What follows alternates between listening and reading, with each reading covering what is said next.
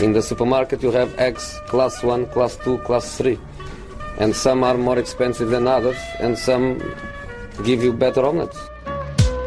That's the wrong information. Wrong, wrong, wrong information. I didn't say that. That's the wrong information. Do you think I'm an idiot? Wrong, wrong, wrong information. Now look at me when I talk to you. Your job is to tell the truth. That's the wrong information. Ja men extrainsatt Sillypodden. Eh, välkommen Makoto in i mörkret i vår, eh, vårt poddrum här som fortfarande inte har en fungerande ta taklampa. Men vi har fungerande mickar, vad vi vet i alla fall. Ja, än så länge. Ja, det, Eh, det får vi se hur det går. Fungerar bättre än vad det gör i Barcelona. Ja, de eh, har väl varken ljus, el, vatten eller någonting nu. Det är ju totalt eh, undantagstillstånd i den klubben för Ja. tillfället. Precis, nej men extrainsatt avsnitt idag då med anledning utav uppgifterna som, ja inte bara uppgifterna, bekräftan, bekräftelserna som kom från Katalonien, Katalonien i, igår. Eh, Messi ska ha då, eh, inte faxat, men Burofaxat. burofaxat. Det ska vara någon form av eh, tjänst då som spanska Postverket använder då för att skicka väldigt viktiga dokument. Jag vet inte exakt på vilket sätt det här funkar, men ordet burofax är ett ord som man verkligen tar med sig från den här soppan. Ja, verkligen. Eh, Fint ord. jag tycker det är väldigt mysigt, ligger ganska bra i munnen. Burofax. Ja, det, Eh, jag kommer ihåg telefax. ja, det fanns ju. Eh, och eh, heter- Halifax fanns det ett lag som hette också. Herregud, det är liksom min, min enda relation till, till Champion Manager, vad heter det? Eh, Championship Manager. Championship Manager. Eh, när det hette Premier Manager, alltså på 90, alltså 96 kanske, spelade på Amiga. Nej, det, är tidigare, så här 94 kanske. Ja, just det, det fanns så tidigt. ja. Eh, så spelade jag på min Amiga 600, så gammal är jag. Eh, var nästan lite gammal för att spela på den också, jag gick ju på högstadiet. Men då tog jag upp Halifax Town hela vägen upp och vann Premier League. Eh, I alla fall. Det, då fick ni veta det. Halifax är för övrigt även huvudstad i Nova Scotia i den delen av provinsen i Kanada. Också lite kuriosa ni kan ha med er när vi inte går in på ämnet. Förr eller senare kommer vi komma till ämnet för dagen, nämligen Messi. Ehm, det, eh, eh, ja, men vi måste ta det här från början. Ja, det kommer ett, ett burofax till eh, Barcelonas kansli. Det är från Lionel Messi, eller Lionel Messis eh, liksom representanter, eh, där han helt enkelt bara säger att nej, jag har för ändamål att lämna Barcelona nu. Och ja, därmed basta. ja. Men så enkelt är det såklart inte. Nej, det ingår ju i det här då, alltså kopian som har florerat runt på. Det finns väl vissa som menar att det finns vissa fake-versioner av det som dykt upp också på sociala medier och sånt. Det har ju varit många fake-konton som haft det väldigt roligt under gårdagskvällen med diverse uppgifter och sånt också. Eh, men också att Messis entourage då i detta burofax eh, ja, hänvisar till den paragraf som finns i hans kontrakt som innebär att han i princip en gång per säsong kan lämna klubben gratis utan en övergångssumma. Eh, problemet här som kan innebära att det här blir en rättslig process, något som man verkligen inte hoppas att det blir, sett till vad Messi gjort för den klubben, sett till det läget Barcelona i. Det är liksom ovärdigt om det blir en rättslig process av det här. Men det är ju att den här klausulen, om Messi vill lämna så ska han enligt klausulen meddela detta till Barcelona senast i slutet av maj. Eh, och Barcelona kommer ju då mena att den här klausulen är inte aktiv, för de har inte meddelat det. Men däremot så menar ju då Messis entourage att i och med ja, coronaförskjutningen av säsongen så förskjuts även denna klausul till ja, slutet av augusti, vilket ju då blir passande att han skickar detta meddelande nu. Eh, vi får väl se om det går så pass långt som en rättslig process, för annars så har han ju en utköpsklausul på 700 miljoner euro drygt, det vill säga 7 miljarder kronor. Det blir lite svårt att betala den summan för en klubb, så då sitter han ju fast där fram tills kontraktet går ut 2021. Eh, men om man går på fri transfer, då är det bara den där enorma lönen som en klubb då måste ta, så vi får väl se vart det landar. Eh, det här går ju också att koppla som ja, en typ av krigsförklaring, en sorts markering mot den nuvarande ledningen. Vissa menar ju att Messi kanske använder det här snarare för att få bort Josep Maria Bartomeu från den här presidentposten en gång för alla. Eh, eller så är han bara trött på det och bestämt sig för att nu ska han en ny utmaning, starta om på ruta ett, börja i en ny klubb. Ja, och då får vi se vilken den klubben blir i sånt fall och om det ens är möjligt ekonomiskt att få igenom en sån ja, galen övergång som det skulle vara. Mm. Ehm, Och under gårdagskvällen, eller under i natten ska vi säga, så kom då uppgiften också från ganska trovärdiga källor. Det är att, att Messi ska ha valt Manchester City som sin nästa klubbadress. Ja, det finns ju olika uppgifter där också om att han ska ha haft kontakt med City, haft kontakt med Guardiola och vissa säger att han inte har haft det. Men det är ju ändå relativt trovärdiga uppgifter. Ja, det var ju samma som var först med att säga att Messi skulle lämna Exakt. Barcelona. Han som jag har glömt namnet på här och nu från Esporte Interativo, som även var först med Neymar-storyn om att då Messi valt City som sin nästa anhalt för att spela med Guardiola igen och att City då också ska vara redo ifall han nu får gå på en fri transfer att ja, ekonomiskt lösa på något sätt där man kan ta det här kontraktet och faktiskt signa honom. Och det känns väl som det logiska alternativet man har funderat över tidigare när vi pratat om det här är ju Manchester City. Att återförenas med Guardiola, det är ju också den, på något sätt en pusselbit för dem att faktiskt ta den här Champions League-titeln. Som de verkligen vill ha. Om de värvar Messi. så, då, har, det finns inte så många ursäkter att dra efter det. Nej, men det finns liksom inte så många, så många starkare kort man kan liksom eh, slänga Svårt fram. att hitta. Ja, ehm, du säger att eh, han heter eh, Marcelo Be- Bechler och är Precis. väl egentligen sydamerikanskt eh, ba- baserad tror jag. Mm. Ehm, tror han håller till i Brasilien egentligen, men har, han var ju också den som breakade Neymar-affären, alltså Precis. Neymars eh, flytt till PSG. Så han har otroligt eh, bra kontakter in i, i de här nätverken. Mm. Ehm, han, jag, jag tror att han bo- är eh, baserad i, i Brasilien, jag är inte helt Oavsett säker. var han är baserad så har han i alla fall ett Han helt okej på- track han, record. Han har på fötterna och han, han har eh, sagt eh, rakt ut att eh, Messi har bestämt sig för, för Manchester City. Mm. Och det är det han, eh, han arbetar för just nu för att eh, få till en flytt dit. Eh, och det- det är ju det här som blir då så, så spännande.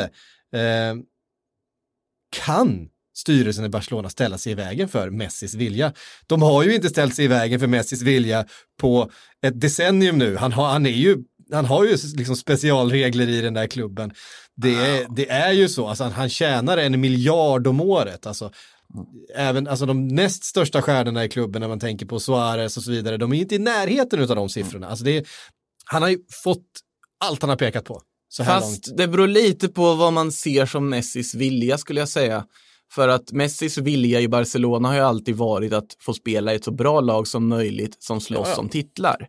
Och ur den aspekten så var det Sandro Rosell och Bartomeu gjort på presidentposten har snarare gått rakt emot Messis vilja att Mm. sakteliga ja, ta i sönder klubben mer eller mindre. Deras, den presidentgärning de har gjort där kommer ju pratas om i lång framtid som en helt bedrövlig sådan. Eh, särskilt kanske Bartomeu nu på senare tid. Där klubben bevisligen, vi har ju varit inne på det tidigare innan vi pratade om Messi skulle lämna om att den klubben mår inte bra sett till hur den hanteras. Det är också väldigt mycket olika saker och Messi, det är inte första gången han hamnar i kläm med ledningen. Det har ju varit under säsongen också där han, ja, bland annat förbannad på ledningen när de menade då på att spelarna hade gått bakom ryggen på dem. Det var ju otroligt mycket snack hit och dit som fått Messi att tvingas gå ut på sociala medier och ja, skäll, skälla på ledningen mer eller mindre. Vi ska inte dra alla de turerna som har varit här för det kommer ta upp otroligt mycket tid. Men det är ju en relation som hela tiden har ja, gungat. Det har hela tiden varit pushat och mest, det har funnits någon form av smärtgräns tidigare det och den smärtgränsen verkar ju nu vara nådd. Nu har vi nått på något sätt nivån. 2-8 förluster mot Bayern München, agerandet efter, Ronald Koeman som tillsätts och även de samtalen som Ronald Koeman drar efter det. Allt det här har ju byggt på, så det här är ju bara toppen av ett isberg egentligen. Av allting som gör att Messi nu bevisligen vill lämna och tar det här beslutet att nu orkar inte jag med det här något mer. Men sen är ju frågan, är det här fortfarande ett drag? Kommer han, skulle att Bartomeu avgår nu, skulle det innebära att Messi kanske kan tänka om och vilja stanna? Det, det är svårt att veta, för det är inte som att det här kommer ändras på en natt. Även om Bartomeu försvinner så kommer ju inte den situation Barcelona sitter i att ändras på en natt. Och Ronald Koeman så är ju också en intressant situation. Han är ju plockad av Bartomeu dit också. Hur blir hans situation om han skulle lämna dessutom? Så att det är ju en otroligt, ja, både intressant och häpnadsväckande och ja, väl, kaotisk är väl egentligen rätt ord Mm. för att eh, beskriva den situationen i Barcelona just nu. Ja. Nej, det, det är verkligen eh, helt uppe i luften, för någonstans så måste de ju ställa ut ett fotbollslag som ska utmana om en titel nästa säsong också. Den Ja, säsongen kommer ju snart. Ja, Ja, flera titlar. Eh, och stämningen runt den här klubben, alltså jag tänker på supportrarna, det är eh, redan varit flera uppretade eh, eh, supportrar utanför Camp Nou, utanför kansliet. Det var ett styrelsemöte igår, det stod folk utanför och skrek där. Eh, det kommer liksom, eh, det känns att det kommer bli värre före det blir bättre för eh, Barcelona härifrån. Mm. det går ju att se Messis agerande på olika sätt. Det går att se det som att, ja men, ja, till slut, oj, det tog ett tag, men nu tröttnar han till slut på det här. Och det går också att se honom som någon sorts Che Guevara-symbol som startar någon sorts uppror där man då, ja, nu, nu är det nog, nu ska vi störta ledningen. Och om han lyckas med det och blir kvar, då det går ju inte, nu, nu är han ju ändå klubbens största legend genom tiden skulle jag vilja säga, eller åtminstone den bästa spelaren de någonsin haft. Johan Cruyff myntade ju en hel kultur i den klubben på ett helt annat sätt än vad kanske Messi har gjort. Men alltså han kommer ju skriva in sig i historieböckerna på ett helt annat sätt om man skulle lyckas då vända hela klubben i ett sånt här läge där de faktiskt sitter i en ganska jobbig sits. Så att det är ju otroligt intressant att se hur Bartomeu resonerar. Enligt, det kom ju uppgifter under gårdagen att han skulle ha avgått från argentinska medier, men de slogs ju ner av spanska medier därefter som sa att ja, men han har inte alls avgått och han har ju, de har bekräftat nej, Bartomeu sitter kvar fortfarande. Men man undrar ju hur, hur länge kan han sitta kvar? Om Messi, när Messi står där med en City-tröja. Är det, Nej, för det är ju det som är, det, det det, det, är det som är grejen. Alltså, nästa fråga är, är, stannar Messi om styrelsen avgår? Det vet jag inte. Nej. Eller det vet ju såklart inte jag vet. Men det, Det- man vet ju faktiskt inte det. Är, är det, är, liksom, är, det en, den typen av ultimatum som har ställts här? Det vet vi inte, det kan vi ju bara spekulera Mm. att det här, Precis. kring att det här är eh, ett slags ultimatum ifrån Messi. Ni avgår, eh, annars så drar jag. Mm. Men grejen är att om han drar så kan de ju liksom inte sitta kvar heller. Det är verkligen, det är verkligen en lose-lose situation för, för eh, Barcelonas Mm. styrelse. För, eh, alltså på ett eller annat sätt kommer de behöva avgå. Eh, därför att den här situationen är för, för mycket för, för det. Det här valet 2021 kommer ju inte, det, det blir inte lätt för den kandidat som kommer, om de ens får fram en kandidat från Bartomeus sida eller den cornern, att vinna det valet. Om Messi drar. Ja, det blir ju i stort sett omöjligt. Ja. Ehm, men frågan är, kan de vara kvar så länge? Det är ju det som är frågan och det beror ju lite på hur man själv ser på sin situation. Bartom, det var någon som skrev jag minns inte exakt vem, någon eh, brittisk journalist som bevakar eh, La Liga där på Twitter, som skrev det att den liksom positiva beskrivningen, den absolut positivaste beskrivningen av Bartomeus gärning som man kan göra är att han vill väl men är totalt inkompetent för att hantera rollen. Det är den vänliga beskrivningen av vad Bartomeu gör. Men det finns även andra tolkningar. Eh, och det är ju så här, nu är det ju också med Ronald Koeman som kommit in, det har ju också på något sätt byggt på det. Och Koeman är ju inte någon som skyr konflikter om vi säger så. Nej, det är han ju verkligen Och- inte. Och man kan på något sätt se någonting befriande i att han är rakt på sak, men samtidigt så skulle han väl kanske ja, tagit sig an den här uppgiften att göra om, förnya laget lite smidigare än att säga åt Luis Suarez över telefon att vi räknar inte med dig nästa säsong. För Luis Suarez och Messi är ju goda vänner naturligtvis med allt de har vunnit tillsammans, så mycket som har spelat tillsammans och så bra så de förstår varandra. Eh, att dra ett sånt samtal och sen därefter dra ett samtal till Messi och säga att privilegierna är slut är väl kanske inte det mest smidiga sättet att hantera en sån här situation på. Nej. Um, och det var ju någon slags, ett, det, det blir som ett högt spel ifrån Komans sida.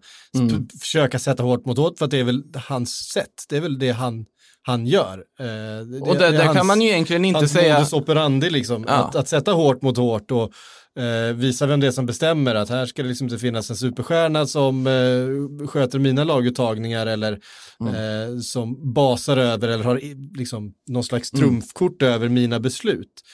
Vilket ju på många, sätt blir i de här superklubbarna. Vi har ju sett det liksom i PSG, eh, och vi har ju sett det i Barcelona också, vi har sett det i, i Real Madrid med, med eh, Cristiano eh, och så vidare. De här mega, mega stjärnorna får ju ett visst inflytande över hur, hur klubben sköts till slut. Eh, därför att det är så viktigt att hålla dem på bra humör. Och där har man ju totalt misslyckats i Barcelona med att hålla Messi på bra humör. Eh, Trots att man har gett honom egentligen det mesta han har pekat på.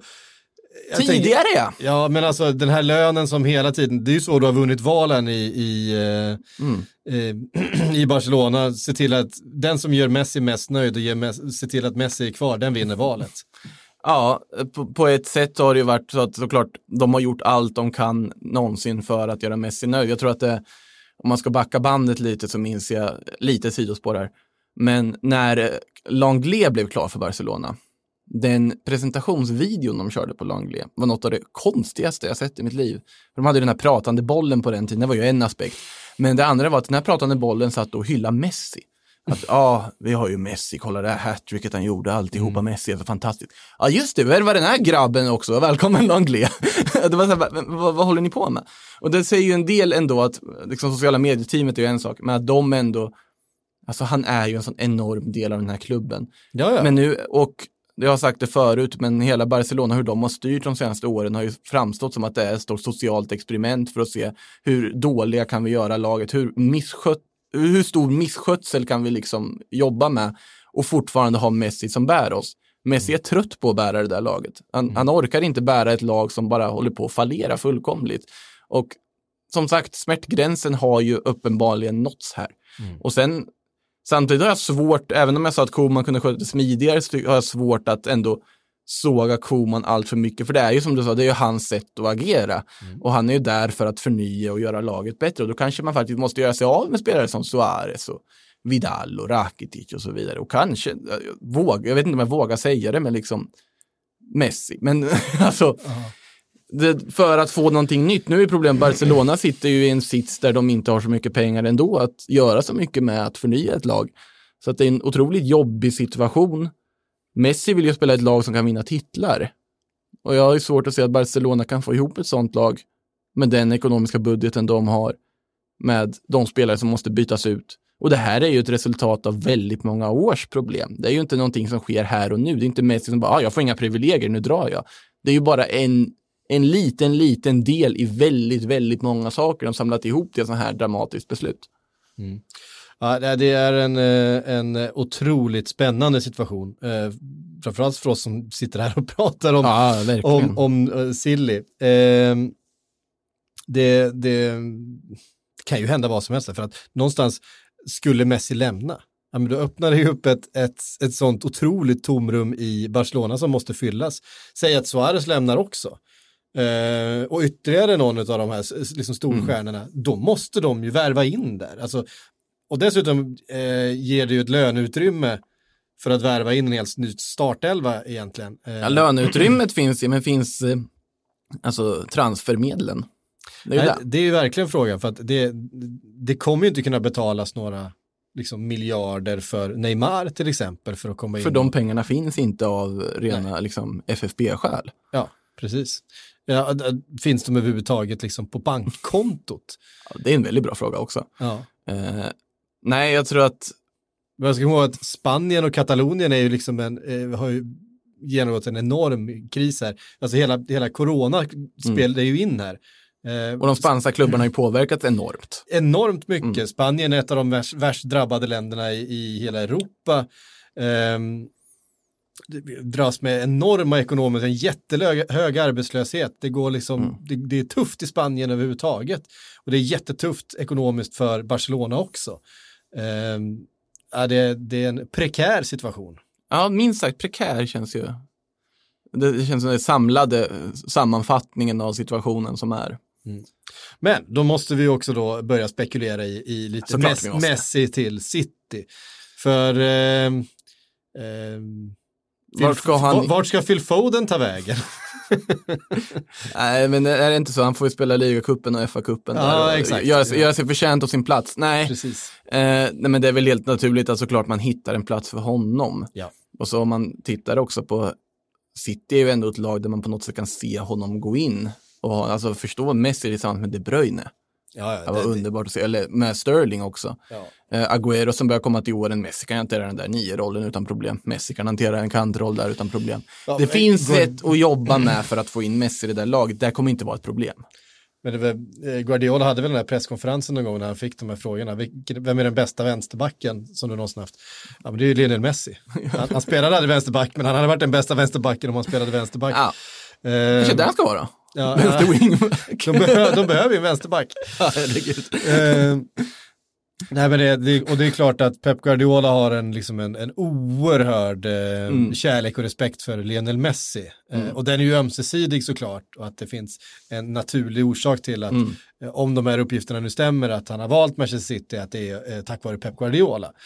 Eh, det kan inte råda några som helst tveksamheter kring. Eh, och att Guardiola kommer eh, styra om det där laget för att få ut så mycket som möjligt av Messi. Det vet han ju hur man gör. Mm. Så att säga. Och det, man behöver egentligen inte, det är det som är så fantastiskt med Messi, man behöver inte bygga ett lag runt honom i sådär jättehög utsträckning som du kanske måste göra med, med andra superstjärnor, att du måste verkligen ha den här typen och du måste ge honom det här utrymmet, han måste spela på den här positionen.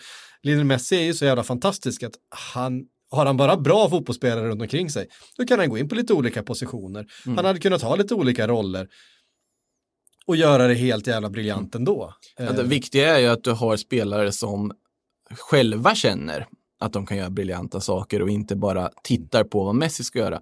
Det är ju det problemet argentinska landslaget haft under alla dessa år. Eh, så att det måste ju fortfarande till att de andra lyfter. Jag tror att City är ju den logiska destinationen. Så är det ju. Om han inte flyttar hem till Argentina. För den, den, jag tycker inte vi ska utesluta den. Han har tjänat ganska mycket pengar genom åren. Han kanske inte har någon lust, han kanske bara är trött på det. Och bestämmer sig för, ja men jag ska ändå testa spelet. Han är ändå 33. Att dra hem till Argentina, för men nu orkar jag inte med den här karusellen mer. Det, det, den ska inte uteslutas. Eh, också med tanke på hur mycket, enormt mycket i lön han skulle kräva för att spela kvar i Europa. Ja, precis. Men alltså, snacket är ju att han, han eh, kommer kräva samma lön plus lite, lite socker eh, från sin nästa arbetsgivare. Mm. Och det är klart att han tjänar redan nu mer än dubbelt så mycket som någon annan. Det som, eh, det som kittlade lite där, vi pratar om tre klubbar egentligen som skulle ha någon slags möjlighet. Eh, det är City, det är PSG och det är Inter. Och det som egentligen talade för Inter var ju de italienska eh, skattereglerna som skulle göra att Mm. hans nettolön skulle ju vara eh, lägre i Inter eh, än vad den skulle vara i eh, Frankrike eller England med tanke på att de har en annan skattesats helt enkelt för folk som tjänar väldigt mycket- pengar. Men ja, Eh, som har liksom möjliggjort bland annat liksom Cristiano Ronaldo-värvningen till Juventus och sådär. Som ju också tjänar ganska bra. ja, som de Eh. ändå vill bli av med. Ja, men det, är- hur den är så är det fruktansvärt mycket pengar. Även om han kommer gratis så är det en lön som är eh, astronomisk verkligen. Ja, det är ju, oavsett vilken klubb som tar honom så kommer ju det ge effekter på hela det projektet.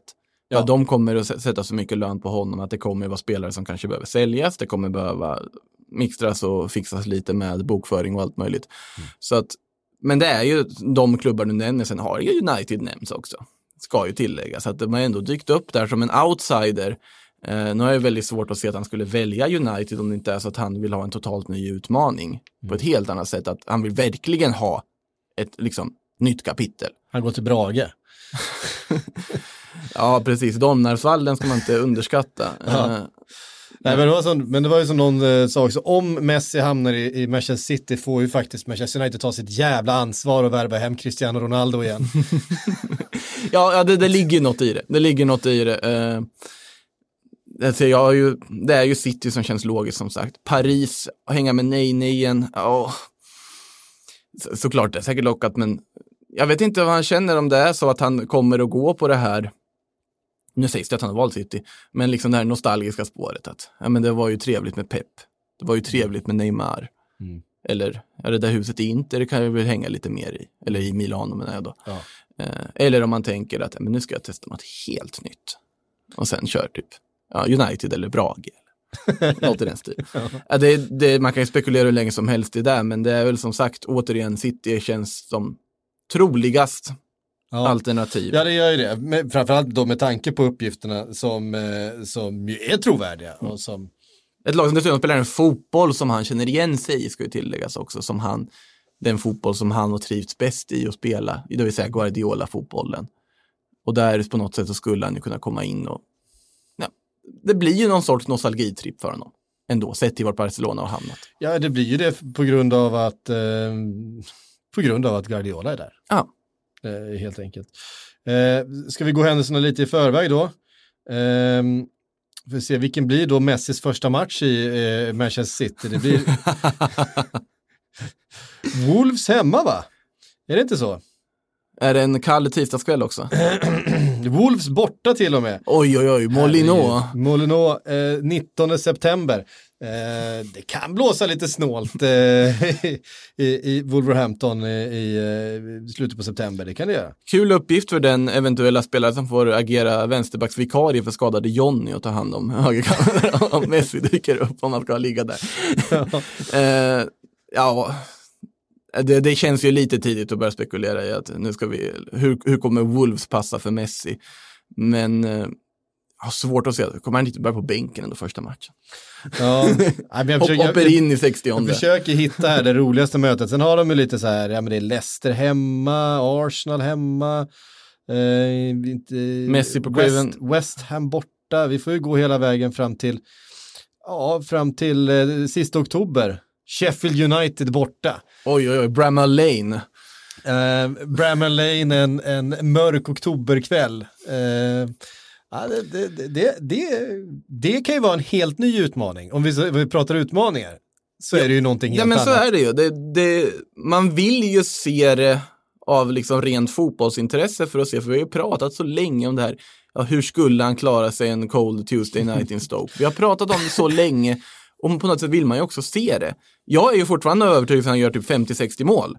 Att han kommer att eh, bara krossa hela ligan. Men man vet ju inte. Man vet ju inte, det kan ju visa sig att det liksom bara blir totalt fel också. Ja, ja, verkligen. Jag, jag, nu sitter jag här och letar roliga, roliga Det är bara att ta bortamatcher. valfri match väl? Jo, men man vill ju ha de här riktigt, eh, riktigt snaskiga. Nu är ju inte Stoke kvar tyvärr. Eh, nu vill man ju upp, alltså om Messi kommer till Premier League så vill man ju upp Stoke igen.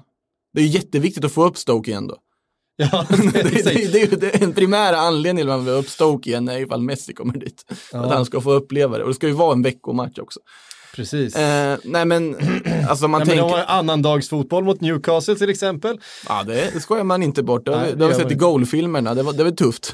ja, ja, verkligen. Eh, nej, alltså annars så här, tänk att han behöver lite speltid, komma in i laget och förstå liksom nya systemet. Man kanske ändå ger honom några minuter i den där första ligacupsomgången där mot, uh, jag säger, Grimsby Town eller något. Ska man inte heller. Um, nej, nej, nej, alltså. jag bara fastnade på en grej här på, på, på Twitter, men, men eh, som inte var så rolig. Det har ju varit, eh, det har ju varit sociala medier-fest också med alla småklubbar som Eh, som, eh, Linares som, presenterade honom såg jag. Den här. Ja, precis. Alla har ju, har ju presenterat honom. Men där, där hade ju verkligen typ Stoke öppet mål ju. Ja, det var ju bara att köra. Ja, om du vill Igen. ha en utmaning. Stoke on a cold Tuesday night. Varje night. ja, precis. Det. Vi kan leverera det. Um, Bojan Kirkic ja. kanske ska lägga in ett gott ord. Jag vet inte hur mycket goda ord han har att säga i och för sig om Stoke. Men... Nej, precis. Guidetti var ju där en vända också. Uh, ja, nej, det, det, det, det är mycket oklara grejer och mycket som kommer bli, bli klart den här närmaste dagarna. Vi vet att Suarez kommer väl meddela också någon, någonting den här veckan. Nu pratas det om Inter Miami. Det har du ju pratat om uh, tidigare, om Suarez också. Um, där så är det intressanta i, med tanke Messi-soppan, är ju då Pujols tweet. Där han sa liksom, jag har alltså starkt Messi, du har alltid min rygg vän, min vän liksom. Och Suarez svarar med två applåd-emojis. Mm att det är ju inte, de är inte nöjda med ledningen. De, det är ju inte som att de har, säger att vi tar ingen sida här. Det är ganska tydligt vilken sida alla är på. Ja, och det är ju Lionel Messis sida. Ja, så är det. Eh, och supportrarna ska vi inte prata om. Nej, precis. De... Bor han på hemlig ort nu, Bartomeu, eller? Nej, oklart. Han går väl inte ut ur kontoret. Sitter väl kvar där uppe och funderar på sin kammare. Ja. Eh, ska vi kasta in några andra rykten då när vi ändå sitter här? Eh, James till Everton. Va? Ja, den är väl, alltså den känns ju logisk på något sätt. James ju, ska ju lämna. Eh, Ancelotti har jobbat med James. James har säkert respekt för Ancelotti som alla stjärnor som någonsin jobbat med Ancelotti har. Eh, så att, och Everton behöver väl den speltypen också, någon kreativ spelare som kan servera fina bollar fram till Richarlison och Calvert Lewin där framme. Så att jag ser ju bara positivt på en sån övergång. Sen behöver ju de fortfarande någon mer hårdjobbande, grovjobbande mittfältare till det där bygget, men Chamez är väl en bra start på den här transfersommaren för dem. Um, vad hade vi mer? Rodrigo nu klar då för Leeds va? Ja, Valencia har ju bekräftat att vi har sålt, kommit överens om en transfersumma för Rodrigo. Fascinerande där är ju till att börja med att han går till Leeds. Det är ju en kanonförstärkning för Bielsa att få in en så pass bra anfallare, en bevisligen bra anfallare som bara för något år sedan, något halvår sedan, kostade dubbelt så mycket. Kopplades till Atletico Madrid och Barcelona. Eh, men du alltså hamnar i nykomlingen Leeds för 30 miljoner plus lite klausuler eller vad det är. Och då är det fascinerande att Valencia har alltså lyckats sälja Parejo, Coquelin och Rodrigo för en sammanlagd summa på typ 40 miljoner euro. eh, och de har gjort sig av med halva sin startelva och de sitter ju säkert och njuter, Anil Murti och Lim och gänget, över att Barcelona gör det de gör, för då kan ju de fortsätta att missköta sin klubb i skymundan. för att det, det är verkligen så här, det Valencia har gjort under senaste åren, när Bartomeu och Barcelona har gjort något dumt så har ju Valencia bara hold my beer och sen gått och gjort något ännu dummare för att den misskötseln är ju på en helt annan nivå. Det som sker där nu, där har man alltså halva startelvan är borta från förra säsongen. Det pratas om att man ska ersätta Rodrigo med Borja Majoral, eh, gamla misslyckade Real Madrid-lånet som inte riktigt kom igång i Levante. Alltså det är en sån nedmontering som man aldrig sällan skådat och man är ju genuint orolig för att Valencia faktiskt kommer slåss kring nedflyttningsstrecket nästa säsong. Om de, liksom alla de spelare som det ryktas bort faktiskt försvinner och att man tar in de spelare det faktiskt pratas om. Etienne Capoe, nu vet jag inte om man uttalar det, från Watford som åkte ner, han ska ju tydligen vara på väg också som ersättare till Coquelin. Just det. Eh, det är en fin spelare.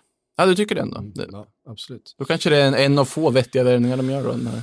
Ja. Eh, ja, vi får se om han lyckas där nere. Eh, Ja, det är ju just så här sittande mittfältare, just så här vattenbärare och sånt verkar är ju väldigt stor skillnad på att spela i Premier League eller La Liga, det har vi sett på. Ja, och jag lägger så här, det, Doucouré är väl det man egentligen vill ha från Watford. Eh, Ja, det är väl- Capoe är, är, På tal om Everton, Ja, precis. det, det känns ju som en solklar värvning för dem kan jag Ja, tycka. ja, verkligen. Får säga någonting om eh, Harry Maguire också. Som eh, först togs ut till det engelska, star- eh, eng- engelska landslaget och sen petades.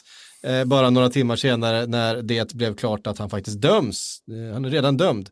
Det gick Eh, ofantligt fort den Rus- rättegången. Ruskigt fort gick den eh, nere i Grekland. Ehm, han döms alltså eh, till villkorligt fängelse, alltså villkorlig dom, 21 månader för grov misshandel, våldsamt motstånd och mutförsök. Ehm, efter då den här incidenten i förra veckan. Eh, och efter det, den domen förkunnades så petades han ur Gareth Southgates eh, ehm, Det var det enda Southgate kunde göra i det läget. jag var förvånad över att han var uttagen överhuvudtaget Att- i det här skedet liksom. Ja, att han redan då var det. Men det var väl att Southgate ändå kände att han ska avvakta och se vad det faktiskt blir för dom. För att de har sån liksom, alltså respekt för spelaren i landslaget, han är en så viktig del. Men såklart, han kunde inte göra annat än att ta bort honom. Nej. Nej, så det fanns ju liksom ingenting. Det blir intressant att se hur United agerar i det här också. Jag tror ju att man inte kommer agera särskilt mycket. Nej, Det är alltså, ju känslan.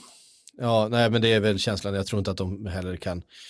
Eh, alltså han, han döms ju, han får väl liksom ta sitt straff helt enkelt. Ja. Eh, det har varit mycket snack om upprinnelsen till det här då att han ska försvara sin syster som ska ha blivit Mm. eh, knivstucken eller knivskuren eh, och sådär. Och det, det kommer väl redas ut här eh, med tiden exakt vad det var som hände den där kvällen. Men klart är i alla fall att Maguire, som då har överklagat den här domen, såklart.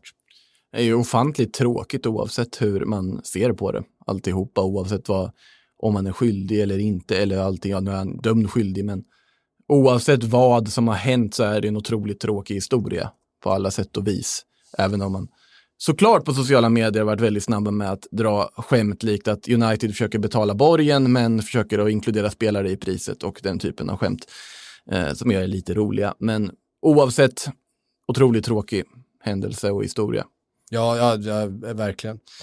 Eh, vi ska slänga in lite frågor också före vi stänger butiken Fick du för ut idag. en frågetweet alltså där? Ja, ja, jag hann precis få, få det. Det är många som undrar vad bränning är. Eh, bränning är ju på, på eh, tidernas längsta föräldraledighet.